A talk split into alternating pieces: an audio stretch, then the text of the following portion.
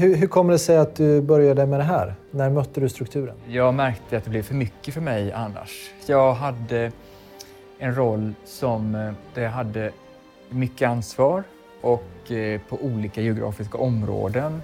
Och jag kände mig väldigt stressad. Jag hade alldeles för mycket i huvudet. Alldeles för många saker gick på uppstuds. Jag fick gjorde det i sista sekunden. Och det gjorde att jag kände mig aldrig riktigt ledig. Jag tänkte på jobbet hela tiden. Jag hörde inte vad min fru sa på helgen.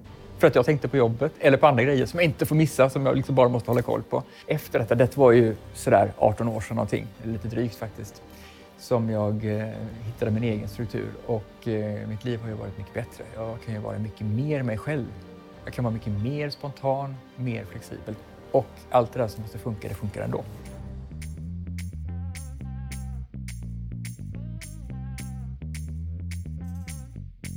Nu är det dags för podd tillsammans med David Stjernholm som faktiskt är Sveriges enda struktör. Och vi ska prata på temat struktur, så skapar du struktur. Ja, men allt ifrån digitala dokument, eh, kommunikation, när ska jag använda min mailkorg, när jag ska ringa, när jag ska smsa. Allt för att du ska kunna skapa en optimal arbetsdag för dig och vara effektiv. Vad är det vi gör på Framgångsakademin? Jo, vi är en digital utbildningsplattform där vi har samlat över 30 kurser med Sveriges främsta experter. Och det här inom ledarskap, inom kommunikation, inom försäljning för att bara nämna några områden. Och det här med de största namnen som Christer Olsson, Karina Sunding, David J.P. Phillips, Annika R. Malmberg. De som är mest populära och mest eftertraktade på marknaden just nu. Och du har möjlighet att ta del av det här genom att logga in på www.framgångsakademin.se och där kan du hitta ett upplägg som passar för dig. Antingen så köper du en singelkurs eller så köper du en årsprenumeration. Eller kanske vill du testa våra fysiska kurser som vi testar nu 2023 när vi lanserar ett helt nytt koncept. Så hoppas du känner dig inspirerad att eh, logga in på Framgångsakademin och även taggad på det här poddavsnittet. Hej och välkomna! Idag har jag med mig David Stjernholm. Välkommen David. Tack så hjärtligt. Hur känns det? Mycket bra. Ja, härligt. Eh, för er som inte känner till David Stjernholm så är han struktör, faktiskt Sveriges enda struktör. Och eh, vi har ju faktiskt spelat in en kurs precis med dig. Ja. Eh, hur har det känts för dig? Spännande. Intensivt. Roligt. Jag är i väldigt gott sällskap och väldigt väl omhändertagen här hos, hos er. Så att det har varit en fröjd tycker jag. Och det har krävt sin man. Ja. Men så är det med de här sakerna. I två dagar. Två dagars intensivt filmande. Ja. Och jag tänkte vi ska beröra lite vad som ingår i kursen. Ja. Eh, och också såklart det som eh, är, är runt omkring. Och det är mycket mjuka värden och, och liksom, eh, sådär. Eh, struktur kan ju ses som väldigt strängt och strikt. Men, Ja. men eh, som vi pratade om, att det handlar om att frigöra tid för det man vill göra. Ja. Eh, och så. Precis. Eh, Och jag ska passa på att säga också att eh, vi har rabattkod utveckling20 som gäller såklart på Davids kurs. Så att om du bara vill ha Davids kurs eller vill ha paketet för hela Framgångsakademin i ett år så gäller utveckling20. Och om du har frågor så är det bara att mejla oss på info.framgangsakademin.se. Härligt. Så att eh, det vi har gått igenom i, i, i din kurs som vi har spelat in nu i två dagar. Det är bland annat hur skiljer man mellan bråttom och viktigt? Ja. Eh, hur sparar jag digitala dokument? Någonting som jag tror många känner igen sig i. Ja. Eh, förenkla krångliga uppgifter. Ja. Kraften i checklistor. Ja. Eh, och helt enkelt få koll på det du ska göra. Ja. Varför är det viktigt med struktur egentligen? Livet blir så mycket enklare om man inte behöver hålla koll på allting själv och om man inte behöver anstränga sig så mycket. Alltså strukturen ska ju hjälpa oss i allt det vi gör så att det blir enklare att göra det som vi vill göra. Och då pratar jag både om arbetet och fritiden, eller livet i stort. En del tror att struktur handlar om att styra upp sig och eh, boxa in sig i någon tråkig fyrkant och så får man inte vara spontan utan man måste följa ett schema. Och det är ju inte alls vad det handlar om, åtminstone, åtminstone inte för mig. För jag vill i mitt liv känna mig fri och spontan och flexibel och jag vill ha det skönt hela tiden. Jag är verkligen njutningsdriven. Och därför så älskar jag struktur. ja, men alltså, strukturen hjälper mig att ta hand om allt det där som jag inte vill hålla på med. Alla de där tråkiga uppgifterna som bara måste funka i min vardag. Allt det där som annars skulle lasta ner mig och hindra mig från att vara den jag är och njuta av tillvaron och livet. Så, eh, så, eh, och det gäller både mitt liv och mitt arbete. Jag menar, det är också mitt arbete så att jag vill hålla på med de intressanta sakerna. Allt det där rutinarbetet och det där som bara ska fungera i mitt arbete, det vill jag också strukturera och helst automatisera så att jag kan vara mer fri och ha mer tid till de där uppgifterna som jag tycker är roliga. Eh, innan, om man, säger, om man delar upp ditt liv som före struktur och efter struktur. Ja. Eh, du jobbade som eh, ställföreträdande VD, ja. ledarroll ja. och liksom chefsansvar och sådär. Eh, hur, hur kommer det sig att du började med det här? När mötte du strukturen? Eh, jag märkte att det blev för mycket för mig annars. Jag hade en roll som, eh, där jag hade mycket ansvar och eh, på olika geografiska områden och olika teman eller olika, olika ansvar kan man säga. Så det blev väldigt mycket. Och jag hade... Eh, alltså mitt, min tillvaro hade blivit mer som att den hade blivit. Det hade liksom bara växt fram sådär utan att jag hade medvetet skapat en bra struktur för det. Och jag kände mig väldigt stressad. Jag hade alldeles för mycket i huvudet. Alldeles för många saker gick på uppstuds. Jag fick den gjorda i sista sekunden. Och det gjorde att jag kände mig aldrig riktigt ledig. Jag tänkte på jobbet hela tiden. Jag hörde inte vad min fru sa på helgen för att jag tänkte på jobbet eller på andra grejer som jag inte får missa, som jag liksom bara måste hålla koll på. Och det var inte alls skönt. Jag blev fruktansvärt trött. Jag gick aldrig i väggen faktiskt, som tur var. Det är jag glad för. Men eh, det var inte ett njutningsfullt liv, så som jag vill ha det i alla fall. Och då så eh, började jag leta och tänka efter och hittade verktyg och skapade egna verktyg. Jag vet att jag i eh, slutet på 90-talet var det väl, så, så skrev jag min första digitala list, att göra-list-app själv. Jag byggde den då, för jag hittade ingen. Det fanns inte så mycket sådana appar då. Ja. Eh, och det var väldigt skönt, för då kunde jag tömma allting som jag gick och bar på i huvudet, som jag höll koll på. Kunde jag tömma ner den här appen. Och sen så visste jag att det fanns kvar där. Jag behövde inte hålla koll på det, utan det fanns kvar där. Och då kunde jag släppa det mer. Och så så eh, när jag då hittar de här verktygen och metoderna och liksom börjar forma mer hur jag vill ha min tillvaro, på jobbet i synnerhet, men också sen eh, på min fritid, så kände jag mig mer ledig. Jag stressade inte lika mycket. Jag fick bättre framförhållning i det som jag gjorde. Jag kände att jag hade mer koll. Alltså, för en del så är det kanske inte viktigt att ha koll och man måste liksom inte... tänka tänker att man kanske inte måste vara så kontrollerad eller sådär då. Eller att, menar, det ordnar väl sig, man kan väl vara lite skön istället. Men, men för mig är det väldigt viktigt hur jag har det. Jag vill ha det bra. Och ska jag ha det bra och må bra och ha bra relationer till de som jag har omkring mig och som jag älskar och sådär, så, eh, så vill jag ju sköta de där. Det är väldigt mycket saker som, som måste funka. Och eh, därför så är det så fint att, att jag kan ha struktur som, som hjälper mig med det. Då. Så jag, jag så här, efter detta, det var ju sådär 18 år sedan någonting, eller lite drygt faktiskt, som jag eh, hittade min egen struktur och eh, mitt liv har ju varit mycket bättre. Jag kan ju vara mycket mer mig själv.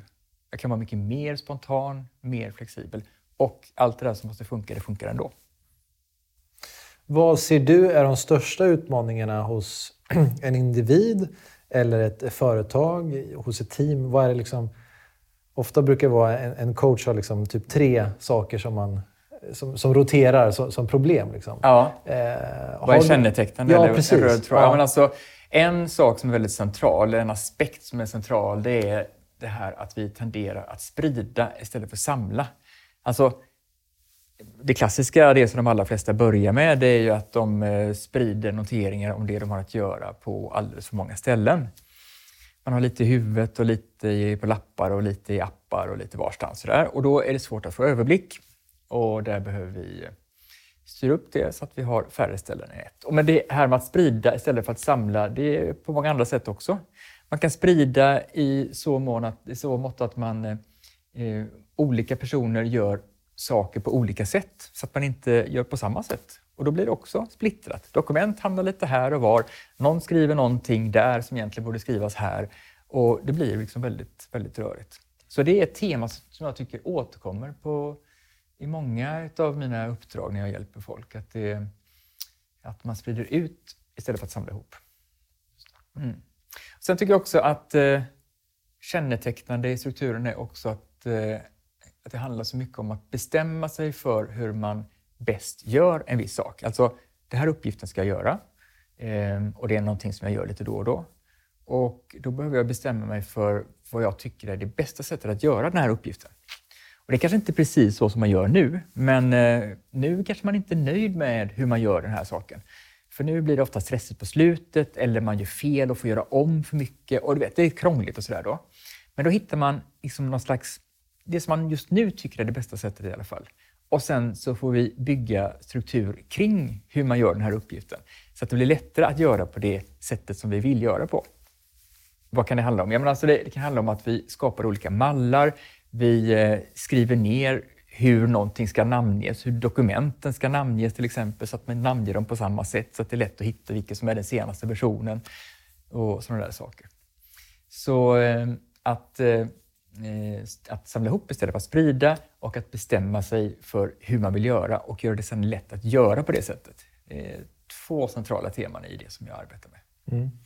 Och hur kan, för jag känner igen det där med att man, har, man samlar saker på massa olika. Mm.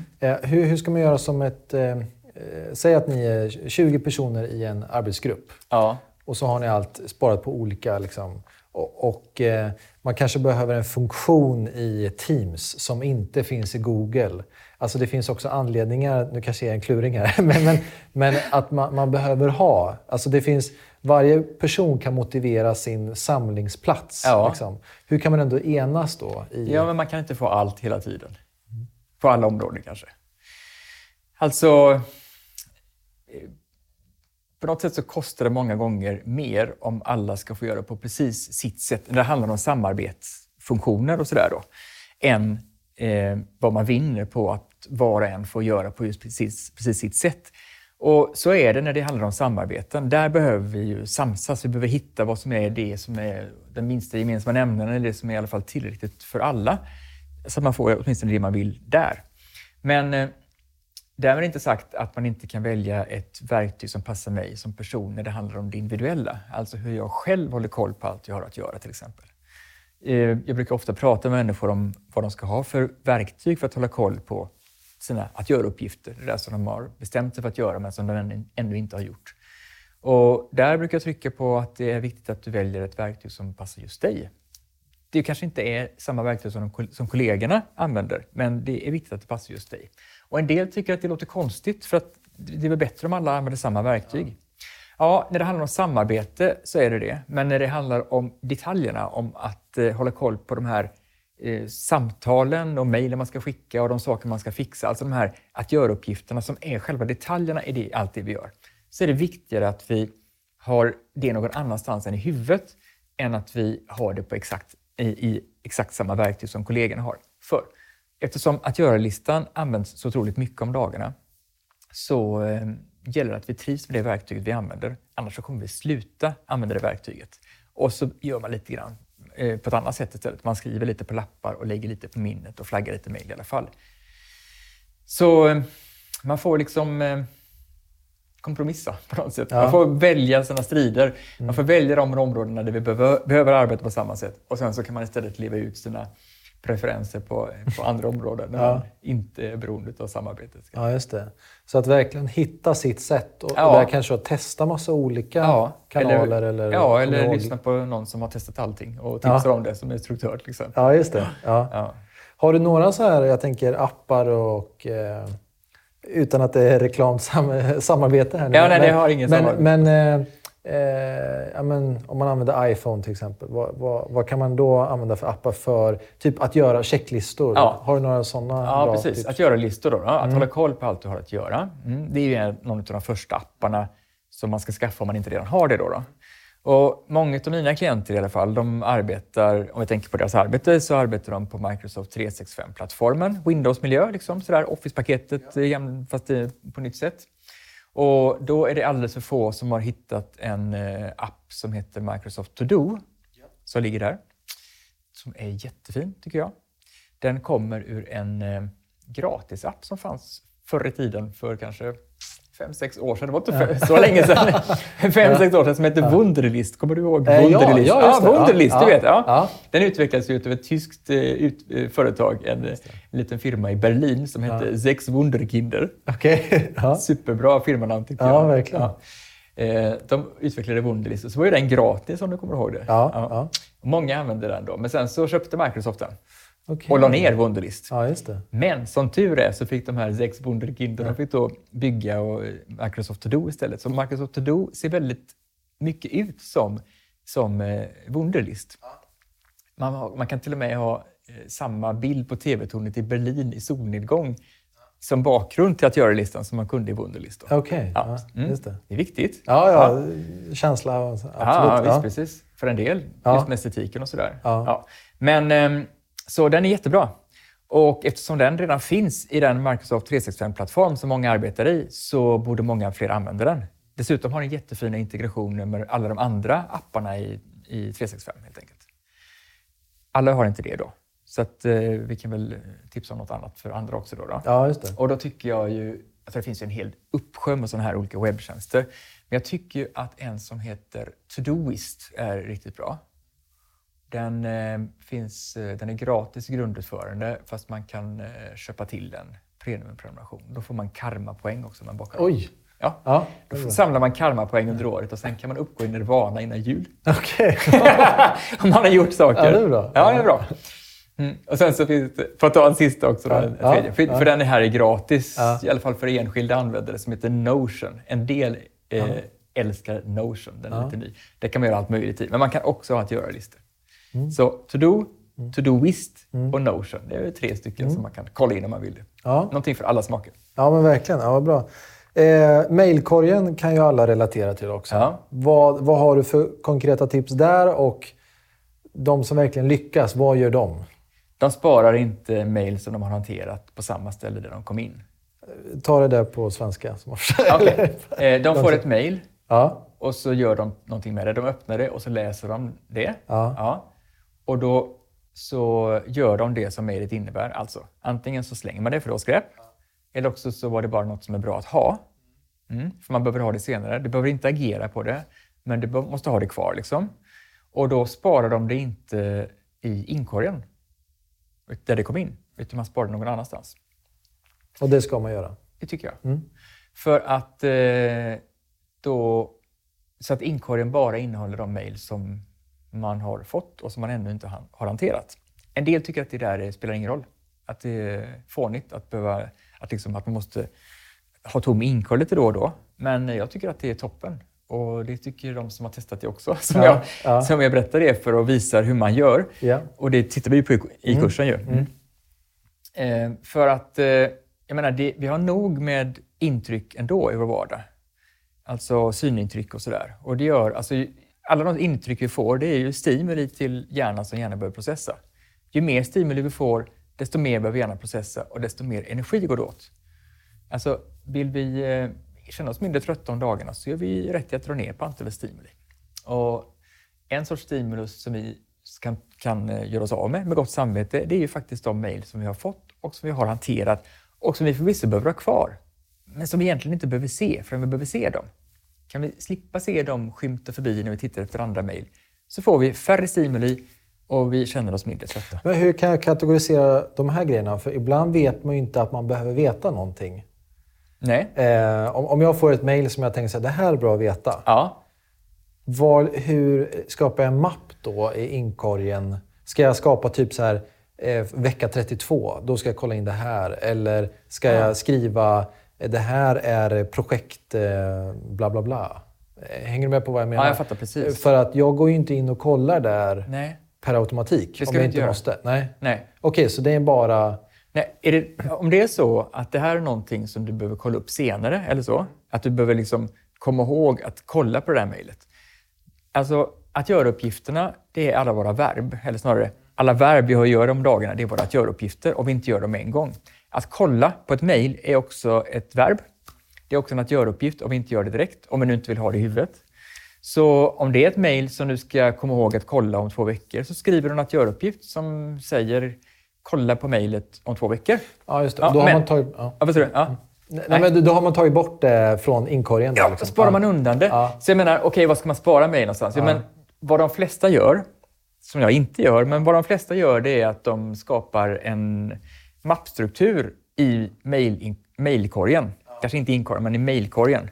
Med, där de sparar mejl. Sådär som du säger, lite, lite olika projekt och olika, vilka som har skickat och vilka år och sådär saker. Och det kan man göra, men det finns en väldigt stor fallgrop i det. I att eh, det lätt blir väldigt många mappar. Man börjar skapa en, ett träd. Visst, det är väl fine att, att ha i Finder och i utforskaren och sådär, ett träd, för då är det lätt att klicka och så. Va? Men gör man det i mejlen så blir det jättesvårt. Men då, då skippar vi det. Då kör vi det som, så som man ska göra. Alltså, Så okej. som du gör. Ja, okej, bra, bra, bra. Jag har en mapp. En mapp, ja. Om man jobbar med Gmail till exempel, då, då, Ja. som många gör, Ja. eller i alla fall i det Ja. privata, så, eh, så finns det ju arkivfunktion där. Den är toppen. Man bara arkiverar. Har man inte Gmail utan man kör Outlook eller i Mac eller sådär, då, så skapar man bara en enda undermapp. Och så sparar man allting där. Och sen förlitar man sig på att man hittar när man söker. ja just det. Söka upp. Ja. Alltså, det är inte fel att ha undermappar. Jag behöver, förstår att en del behöver det. Men ha inte för många, utan ha stora mappar i så fall. Jag trivs med att ha en enda. Och jag menar, om vi övar på att söka på ett bra sätt, för man kan ju söka på dåligt, eller på, på ett sätt där man får väldigt många svar som inte är de man vill ha. Och sen kan man söka väldigt specifikt så att man hittar precis det man behöver. Då räcker det att ha en enda mapp, för man hittar det man behöver utan att behöva liksom se allting hela tiden. Eh, Det vi pratar om här nu, det kanske är 5% av vad kursen handlar om. Så att om Ja. man vill ha mer ingående och konkreta tips. Ja. För att till varje kapitel så hör ju också en övning. Ja. Eh, så att det blir väldigt liksom, tydligt och eh, förståeligt. Ja, och konkret. Och konkret. man får direkt tillämpa det. Och, Precis, och det tycker till och med jag. Och jag har svårt att lära mig att förstå, så att det, det är perfekt.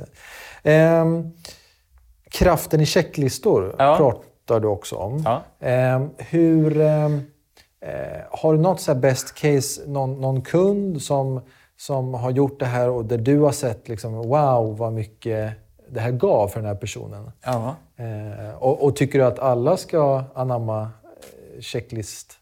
Ja, men checklistor, alltså man ska ju skilja på att göra-listor och checklistor bara. Så att Ja. vi börjar där då. då. Mm, För en del kallar ju att göra-listor checklistor och det är ju stor skillnad tycker jag. Mm. Check, eh, att göra-listan visar ju vad man har att göra. Mm. Checklistan visar hur man gör det man har att göra. Mm. Checklistan är ju som ett recept i princip. Så här gör du den här uppgiften. Och jag är ju själv en stor fan av checklistor. För att eh, jag har ju en hel del uppgifter som jag gör tillräckligt sällan för att jag ska glömma av emellan varven hur det är man gör. Liksom. Vad kan det vara för uppgift? Ja, men alltså, det kan vara... Till exempel, jag menar, jag föreläser ju ofta flera gånger varje vecka. Ja. Men det är väldigt mycket saker jag ska... Som jag måste komma ihåg att ordna inför varje föreläsning. Liksom. Ja. Alltså, när jag...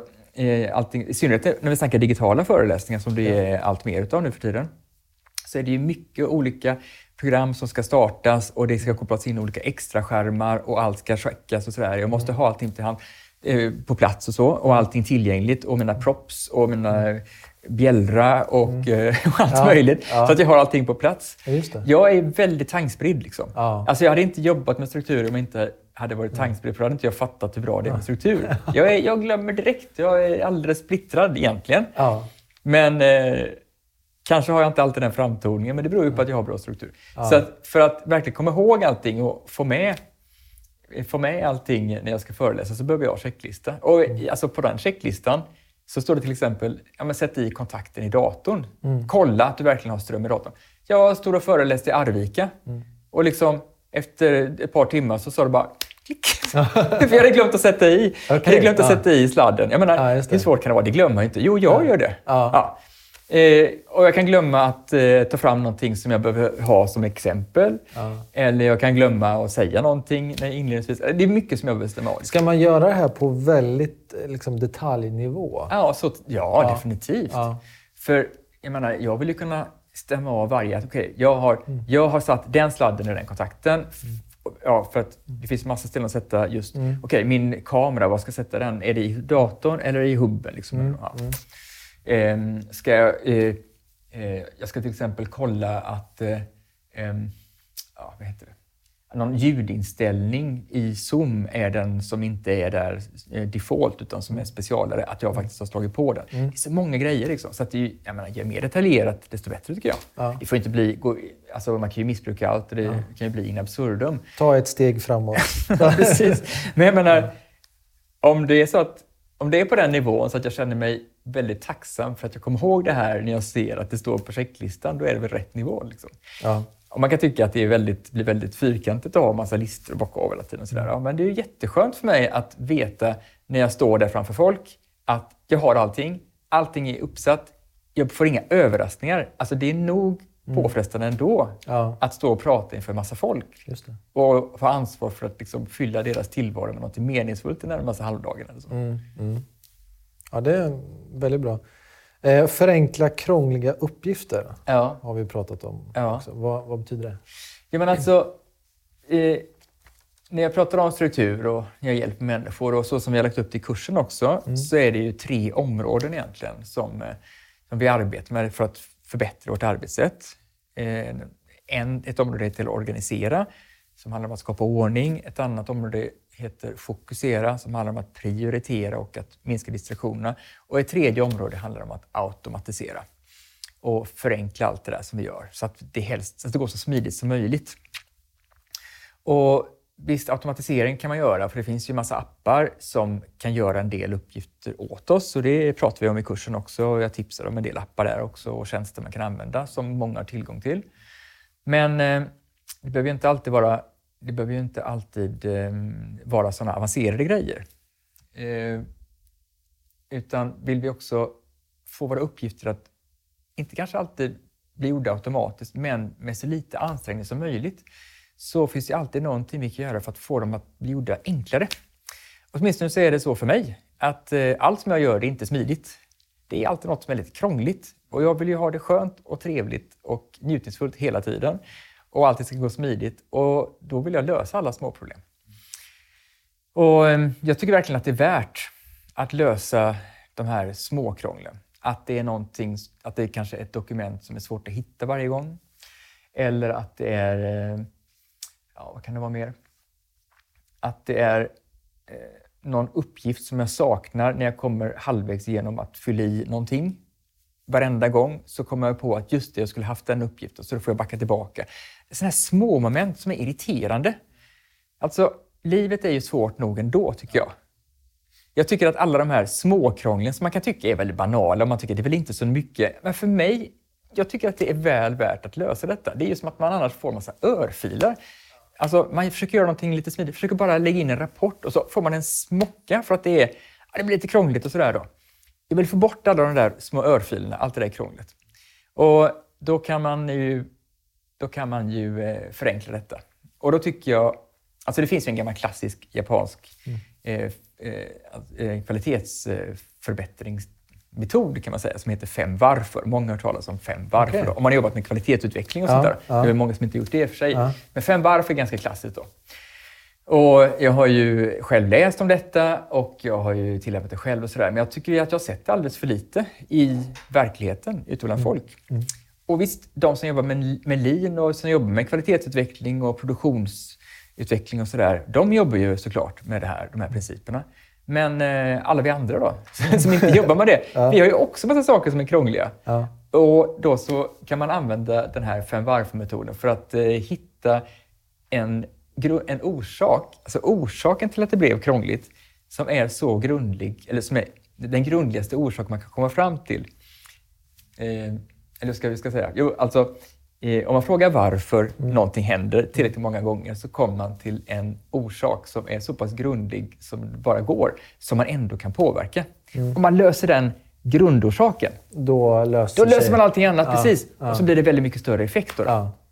För det är lätt hänt att om man bara liksom försöker lösa problemet direkt, om man bara frågar varför hände detta? Ja, men det var ju för därför. Ja, så löser man det den gången. Men sen kanske det kommer tillbaka igen mycket mm. lättare. Mm. Eller det är andra symptom som man inte har tänkt på just då, som skulle kunna lösas om jag gick lite djupare. Och eh, Det där vill jag sprida. Jag vill att fler ska använda de här systemen, eller snarare metoderna som redan finns. Mm. Så det pratar vi om. Vi pratar om sju steg för att förenkla allt det där som är irriterande mm. och som är ett onödigt omständigt i vår vardag på jobbet. Det handlar ju, hela kursen handlar om att skapa en motorväg för sig själv. Där, Ja. allt liksom, där det inte finns andra bilar som stör och eh, liksom, Ja, men man, man, kan njuta. Ja, definitivt. Ja. men Ja. Alltså, det är min drivkraft i detta. Jag har ju liksom en idealbild, en, en vision om hur jag vill att mitt liv ska vara. Mm. Eh, som handlar om att jag, eftersom jag är väldigt tankspridd, så vill jag kunna också flanera omkring helt eh, ta, så tankspridd som jag faktiskt är Ja. i livet. Och allting som bara måste funka i min vardag för att mitt liv ska funka och jag ska få mat på bordet och pengar på kontot och sådär. Ja. Det ska funka som automatik för att jag har struktur som löser det. Så att jag kan fokusera på, att, på det som jag tycker är intressant just för stunden. Och vara mer flexibel och mer fri och sådär. Så för mig, paradoxalt nog, så gör strukturen att jag känner mig mer fri. Och det är inte för att jag trycker in mig själv i strukturen, utan det är för att jag lägger ut allting som är tråkigt i min tillvaro och som jag inte vill ägna tid eller kraft åt. Det lägger jag i strukturen så att jag kan ägna mer engagemang och entusiasm kring de sakerna som jag faktiskt vill engagera mig i. Eh, Finns det en positiv effekt i att, att bestämma att varje måndag förmiddag, då ska jag göra de tråkiga sakerna? Och det är liksom struktur kopplat till det här. Alltså, eh, eller ska man sprida ut över veckan? För jag förstår, det är ju tankesätt och alla de här verktygen i, i kursen. Det, det får man ju liksom lära sig eh, Ja, bra, jag fattar. vad som funkar. Ja, jag fattar. Ja, jag. Ja, man ska göra som man, som, det som passar en själv. Ja. Eh, Det passar inte mig precis, men jag kan, för, jag kan, jag kan ju föreställa mig att det skulle kunna passa. Låt säga nu att man ändå tycker att måndagen är en skräpdag. Mm. Det är liksom redan en dålig dag bara för att det är måndag. Ja, men då kan man ju lika gärna passa på att göra de tråkiga sakerna när det ändå är en dålig dag, för att det är en måndag. Ja. Och då slipper man ju tänka på allt det här tråkiga på tisdag, onsdag, torsdag, fredag. ja. för, då, för man vet att på måndag förmiddag så har man det. Ja, visst, Ja. kanske får man mer söndagsångest än man annars skulle få då. Fast jag menar, måndagen är ändå, det är ändå en dålig dag. Söndagen är ändå förstörd. Det är. Ja. Så då kanske man kan lägga det där. Men sen kan man också testa, om man nu tycker att, man, att det blir jobbigt och man får för mycket söndagsångest i alla fall, så kan man ju testa det andra då. Ja. men om jag skulle lägga ut det i veckan istället så kanske jag liksom lindrar den tråkiga effekten. Just det. Får man testa det. Och så får man se vilket som funkar bäst. Mm. Och kommer du på, tänker du att ja, men jag ska nog sprida ut det lite, då kan du bygga en struktur som hjälper dig att sprida ut det. Mm. Alltså du kan, det kanske är vissa återkommande uppgifter som är fruktansvärt tråkiga, Mm. men som du ändå måste göra. Ja, men eh, schemalägg dem till tisdag-förmiddagarna eller Mm. sådär. Men det är intressant det här som du säger med att ut på förmiddagen eller sådär då. För jag tycker det är kul att optimera när passar det bra att jag gör vissa saker då. Och just nu och sedan en ganska lång tid tillbaka så funkar det väldigt bra för mig att göra kreativa uppgifter på förmiddagen. Och så väntar jag med alla administrativa sådär, småuppgifter fram på eftermiddagen. Jag samlar också alla mina möten, eller så många som jag kan. Ja, alla möten kan man ju inte påverka liksom, om man har kunder och sådär. Men eh, så många möten som jag kan försöker jag samla till måndag eftermiddagarna. Så jag tar dem direkt där. Då. Och det passar mig väldigt bra faktiskt. För då, ehm, efter lunch så kan jag vara lite seg, men då kan jag göra lite sådana grejer. Schablonkalender, Ja, det pratar du om i bonusavsnittet. ja. Vill du nämna någonting kort om det? Ja, jag kan ju faktiskt ansluta till det vi pratade om alldeles nyss. Ja. Om att eh, bestämma sig för att göra en viss typ av uppgifter på förmiddagen kontra eftermiddagen eller vissa dagar. Och så. Schablonkalender är för mig ett sätt att göra det lättare för mig att få arbetsveckorna så som jag vill ha dem. Schablon, det är en mall, kan man säga. Och ehm, då, det fungerar som så att jag har en extra kalender som är liksom en fejkad kalender eller sådär. I samma kalenderapp som jag kan slå på och slå, också av så att jag ser den eller slipper se den. Och där har jag ritat in hur jag skulle vilja att dagarna såg ut. Till exempel så kan, man, så kan jag rita ett sjok då som är på förmiddagarna som heter kreativt arbete. Och på eftermiddagarna så kan jag ha ett block som heter eh, administrativt arbete eller sånt där. Och är det nu så att mina dagar inte ser ut så kanske, utan det blir lite huller om buller och jag, jag trivs inte med det, så vill jag ju få dem mer så som jag vill ha dem. Och när blir det så som det blir? Jo, det blir ju precis när man sitter där och hovrar med muspekaren över accept eller decline på en mötesfråga man får, eller hur? Det är ju då det avgörs hur det blir egentligen. Eller då man själv sitter och tittar i kalendern och, no och har någon i luren och de frågar när kan vi träffas? Och då säger man ja, Ja, just Då-. Då har man liksom inte tänkt det. Nej, men för då kanske man är stressad. Ja, då kan man vara stressad. Då har man chefen över sig och kunden och en stor affär. Inte vet Ja, jag liksom. ja. Man vill så väl. Och det är inte alltid man är helt klartänkt då. Nej. Utan man vill bara få gjort det här eller man vill liksom, eh, svara upp mot detta. Alltså hur många gånger har, nu kan jag byta inte jag kan inte tala för dig, men jag kan tala för mig i alla fall. Och jag har ju alldeles för många gånger, innan jag skaffade en sån där då, så har jag Eh, sen ångrat mig att jag bokade in någonting. Som jag, jag vet ju att jag inte vill ha den typen av saker på tisdagsförmiddagen till exempel. Men varför gjorde jag det igen? Är det någon som känner igen sig i det så kan, ju faktiskt, så kan det vara smart att hitta på ett sätt att kunna påminna sig precis i stunden. När man sitter där och tittar i kalendern, ska jag lägga någonting på tisdag eller inte? Då vill jag kunna se vad har jag bestämt mig för? När jag hade lite mer sinnesro, när jag var lite klokare och lite lugnare. Ja, men då har jag sagt att jag vill jobba med bara kreativa saker på förmiddagen och inte ha några möten kanske. Om jag då ser det samtidigt som jag ska lägga in så blir jag påmind påminn om det och då kan jag tänka att ja, men vi lägger det på eftermiddagen istället. Och så blir tisdagen mycket mer som jag vill att en idealtisdag ska vara. Så att man kan säga att du lägger både ett, en aktivitet, Ja.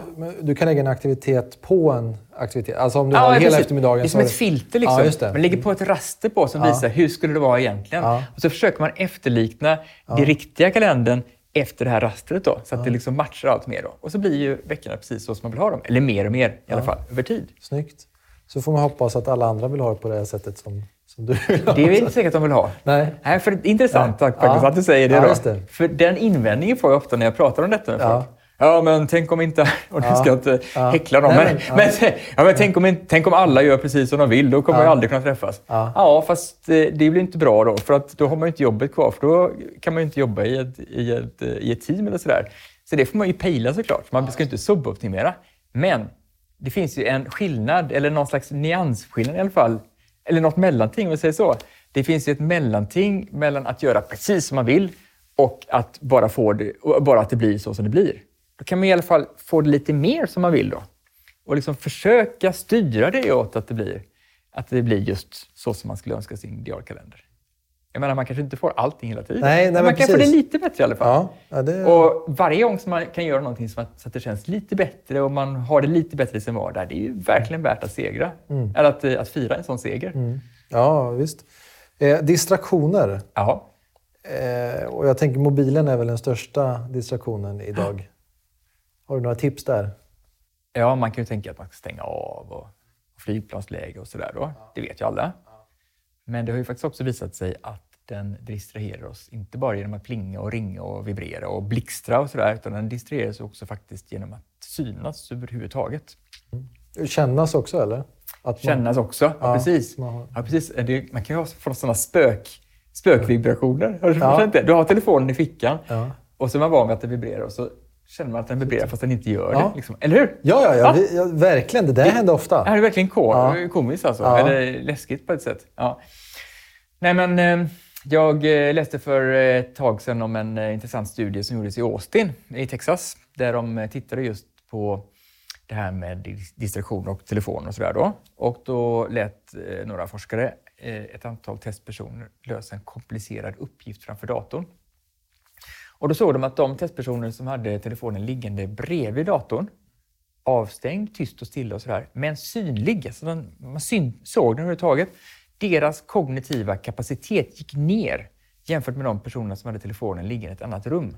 Alltså de blev mer korkade utav att råka se sin telefon när man håller på med något annat. Alltså, telefonen betyder så otroligt mycket för oss nu för tiden. Det är så mycket utav vårt liv och relationer och allt vad det är som händer i telefonen. Så det är ju lätt hänt att vi kommer att tänka på andra saker än det vi håller på med när vi bara ser telefonen. Och det är så att, jag menar, vill man då verkligen fokusera och man har stängt av telefonen eller satt den i flygplansläge eller eh, störa i-läge eller vad det nu är, så är det ju fint att man också gömmer den så att man slipper se den. Ska inte spela någon roll kan man tänka, men testa vet jag. För mig gör det stor skillnad. Jag sitter och skriver så har jag och har stängt av telefonen eller liksom inte vill bli störd, så lägger jag in den bakom laptopen istället för att ha den liggande bredvid. För mig är det skillnad. Alltså jag menar, så fort man har tråkigt annars, eller okej, så fort jag har tråkigt annars så ja. kommer, fastnar det i mening så är det lätt annars man bara plockar upp telefonen och så kollar man lite Facebook eller så istället. Just det. Det där vill jag slippa den frestelsen. Nu kommer jag på, på tal om fokus, eh, brown noise. Ja. Eh, hur funkar det och vad är det för någonting? Ja, men brown noise är ju ett syntetiskt brus Mm. som eh, genereras genom en algoritm som eh, uppfanns eller togs fram eller upptäcktes kanske utav Robert Brown, en skott i mitten på 1800-talet som, eh, som tog fram den där. Då. Och eh, brown noise är ju ett slags brus. Det finns ju white noise, och det finns pink noise och red noise tror jag, och brown noise. Brown noise och red noise kanske är samma.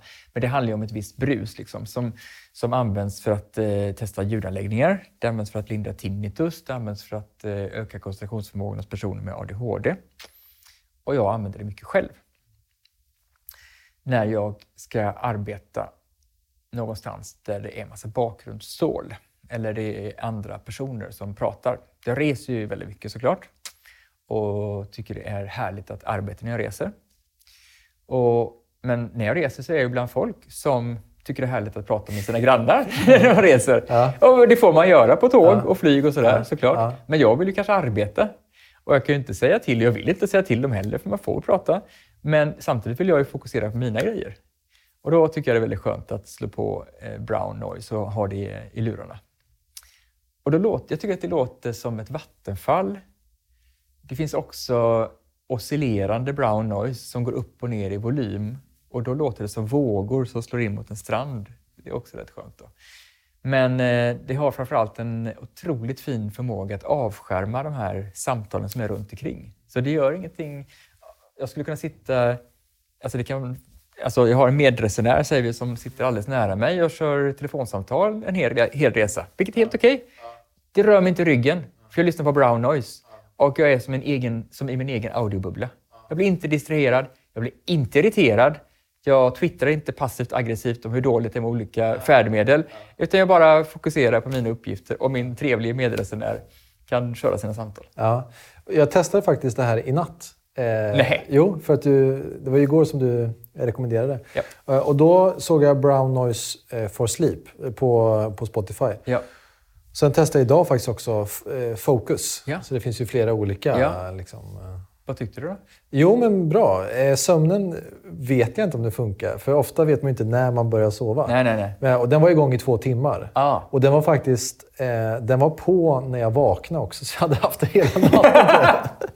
eh, sådär. Men för fokus så, så tyckte jag den funkar bra. Ja. Eh, verkligen. Ja. Och, och som du säger, och båda vi håller på med musik också. Ja, och då är det lätt att lyssna på låttext eller Ja. på vilket ackord det är. Ja. sådär. Så att, eh, då är det lätt att skärma av med en sån. Precis. Men man får ge det några minuter innan man eh, stänger av. För att lyssnar man på det första gången så kanske man tycker att det låter jobbigt att lyssna på brus. Men jag menar, man, väldigt fort så hör man det inte. Mm. Och då är det mer som en, bara en matta. Ja. Alltså man hör det lika lite som en fläkt som är i ett rum som man hör att den har varit först när den stängs av. just det. Eller hur? Ja, precis. Lite samma effekt ja. tycker jag. Ja, det är det verkligen. Ja. Ehm, härligt. Jag tänker för, för de personerna som eh, vill introducera... Säg att man är strukturerad och sen Ja. så vill man hjälpa sin arbetsgrupp att bli mer strukturerad. Eller man, man Ja. tycker att vi kan förbättra oss som grupp. Liksom. Ja. Eh, hur ska man... För du har ett exempel med en folkhögskolelärare till exempel. Ja. Som blev frälst eh, på, Ja, på, på det här konceptet. Ja. Ja. Eh, och så är det ju generellt med, med kurser som vi har också på akademin. Att det kan vara liksom så här, ja men det här gillar jag, men ja, det gillar inte jag. Liksom så där. Ja. Eh, vill du berätta det exemplet? Ja, men det kan jag göra. Ja. Det var ju, eh, jag höll kurs på en folkhögskola och då Mm. var det en, eh, en eh, bildlärare eller konstlärare Mm. på något sätt som vid inledningen av kursen, jag skulle ha en hel dag faktiskt, och eh, så sa hon att ja, jag är här men jag vill egentligen inte vara här, men jag, jag, stannar, en, jag stannar en halvtimme så får vi se. Ja. Och så väldigt barsk ut. Och Ja. Det här var verkligen inte hennes grej. Liksom. Men hon stannade hela dagen. Och sen så hade vi då eh, personlig strukturträning några gånger efteråt. Och, sådär. och eh, det hela mynnade ut i att hon för första gången i hela sitt yrkesliv började bära klocka. Armbandsur helt enkelt. Hennes kollegor stoppade henne. Hon berättade senare att, att hennes kollega hade stoppat henne på gården. Hon var på väg över gården. Så där då. Hade stoppat henne och sagt du, eh, jag har lagt märke till du är, verkar mycket gladare nu. Och, och, och dessutom så kommer du helt i tid till möten också. Du är där före alla andra. Vad är det som har hänt? Och, så där. och då var hon så nöjd med att hon hade hittat alltså, hittat sitt sätt att ha en bra struktur som passar just henne. Hon var ju, det var ju väldigt viktigt för henne med estetiken. Så jag menar, hennes sätt att hålla koll på det hon att göra hade ju estetisk prägel. Liksom. Och hon hittade en bra struktur för att ha, ta hand om allt eh, konstnärsmat, eller, ja, konstnärsmaterial, heter det va? penslar och allt sånt där, så att det inte var så rörigt. Utan hon kunde ägna sig mer åt det, åt det konstnärliga skapandet för att hon behövde inte lägga så mycket tid på att leta efter grejer. Så genom att applicera strukturen på ett sätt som passade just henne så fick hon fort den effekt som gjorde att hon blev motiverad att ta nästa steg och nästa steg och nästa steg. Så dels behöver man, om det handlar om det, om man känner lite motvilja mot strukturen, så kan man också veta att när vi pratar struktur så tror inte jag på att det finns en struktur som alla borde köra och alla ska trattas in i samma mall på något sätt. Utan eh, snarare får man hitta den strukturen som passar just ens egen personlighet och sådär. För en del är det viktigt med estetik, för andra så, är det, så spelar det ingen roll. Liksom. Det kan se ut som Excel, det är okej. Okay. Eh, så det behöver man, behöver man eh, tänka på. Men när det handlar om att eh, få andra att fatta att vi skulle kunna ha nytta av att vara mer strukturerade i den här gruppen som vi arbetar, så handlar det dels om att föregå med gott exempel såklart. Eh, och dels så kan man ta till tricket att man hittar någonting i det här samarbetet som inte funkar särskilt bra. Det är kanske någon smärtpunkt i hur man arbetar ihop som eh, man förmodligen har en gemensam syn på att det här är verkligen ett problem. Och så adresserar man just den, det specifika problemet och hittar en smart strukturlösning på det. Och så löser man det. Och då kanske man inte pratar om att ja, men nu, ska vi, nu ska jag applicera struktur på detta, utan man kommer på en bra lösning eller man driver arbetet för att få fram en bra, bra lösning. Och sen så när man ser att, att det här blir uppenbart mycket bättre, då kan man börja prata om att ja, men det här löste vi faktiskt genom att strukturera upp det. Märkte ni det? Skulle vi kunna gå vidare på det här andra problemet som vi också har, som, orkar ut lite då, som vi råkar ut för lite då och då? Och så sprider man det på det sättet, snarare än att propagera för att vi ska strukturera oss. För struktur är ett svårt ord. Det är fruktansvärt fyrkantigt och tråkigt, ja. tycker många. Ja. Och, men det är det ju inte, mm. om man vet vad det egentligen handlar om. Men eh, det kan vara ett lurigt ord att använda. Mm. Mm. Så tänker jag. Har du några sista tips om man vill börja sätta igång med det här eller vill gå i en kurs till exempel? Hur ska man börja tänka kring struktur? Jag tycker att man ska välja... Alltså vi har alla mycket att göra såklart. Jag tycker att man ska välja någon aspekt av strukturen. Något av de sakerna vi tar upp i kursen till exempel. Och sätta den först.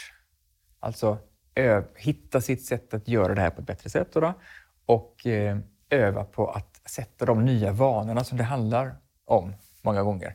Att skapa bättre, bättre struktur. Alltså struktur, att skapa bättre struktur handlar ju dels om att skapa någonting nytt för första gången, kanske en ny mall eller något nytt dokument eller sådär då. Eller ett nytt ställe för någonting. Och sen så handlar det också mångt och mycket om att göra på ett nytt sätt i fortsättningen när man ska göra en viss sak. Alltså etablera en ny vana. Då, då. Så att man inte försöker börja med alla grejer som man får med sig från kursen samtidigt. För då kan det bli för mycket och så misströstar man för att man inte lyckades och sen så lägger man ner det. Och så tror man att struktur är ingenting för mig. Jag är ett hopplöst fall. Ja, just det. blir man bara deprimerad, helt ja. i onödan. Ja. Och så tycker jag inte man ska ge upp heller. Nej. Alltså, strukturen kommer rasa. Så är det. Ja. Det här kommer funka en vecka, eller tre veckor, eller tre månader eller tre år. Inte vet jag, men förr eller senare kommer den dagen när allt rasar. Då är det ju eh, vab och drivis och omorganisation och lågkonjunktur och IT-krasch och nyval på samma tisdag. Då flyger ja. strukturen all världens väg. Ja. Och då ska man inte dra några slutsatser om sig själv eller om sin egen förändringsbenägenhet eller kompetens eller intelligens eller potential till utveckling och sådär. Utan då bara man börjar igen. Och börjar igen. Man förfinar lite hur man gjorde så att man kanske kan lappa över och överbrygga en motsvarande situation som händer nästa gång. Men man börjar igen. Och då tränar man ju på att börja igen. Alltså det heter ju resiliens, ju, att komma igång igen. Va? Och ju bättre man blir på det, desto... Eh, alltså ju oftare man börjar igen, desto bättre blir man på att börja igen. Och om man blir riktigt bra på att börja igen så kan man ju lära sig nästan vad som, helst, vad som helst om man bara börjar igen. Så jag menar, upp i vagnen igen bara. Alla kan bli bättre på struktur om man vill. Alla kan hitta den strukturen som passar just dem. Så de får vara mer sig själva så att de får njuta av livet ännu mer. Om det nu är det som är drivkraften. Inte vet jag. Vi har olika drivkrafter. Bättre relationer kanske, eller något. Mm. Ja, eh, väldigt bra tips och eh, Ja, jag känner nu vill jag gå din kurs. För, för att lära sig. För att, och som du säger, det, det, liksom, det handlar om att börja igen. Ja. Inte se ett misslyckande i att man kommit bort från sin rutin. Nej. Utan bara så här, man börjar igen och man är, man är alltid nybörjare. Ja. Så. Min struktur, jag ska inte säga att den rasar, eh, hela strukturen. Men jag menar, jag misslyckas ju också. Och mina det ändrade förutsättningar i min vardag, i arbetet och i livet. Jag behöver hela tiden finjustera och slipa strukturen. Härligt. Och stort tack till dig som tittar. Och kom ihåg att du har rabattkod utveckling20 om du går in på hemsidan och signar upp dig. Tack så mycket. Hoppas att du nu känner mycket inspiration för att ta tag i ditt strukturarbete. Och det vi har gått igenom idag det är ju hur du skapar din smarta planering i din kalender. Hur du skiljer mellan bråttom och viktigt. Och när du gör det här då skapar du mer effektivitet och faktiskt mer utrymme i din vardag för att göra det du vill. Som i Davids fall, han är, har varit ledig varje fredag och det kan han göra för att han har effektiviserat. Hoppas att du nu vet hur du ska lyckas med din struktur. Tack för att du har lyssnat och lycka till! Och Det här är för att du ska frigöra din potential och starta... Ja men, ja, men nu är man igång.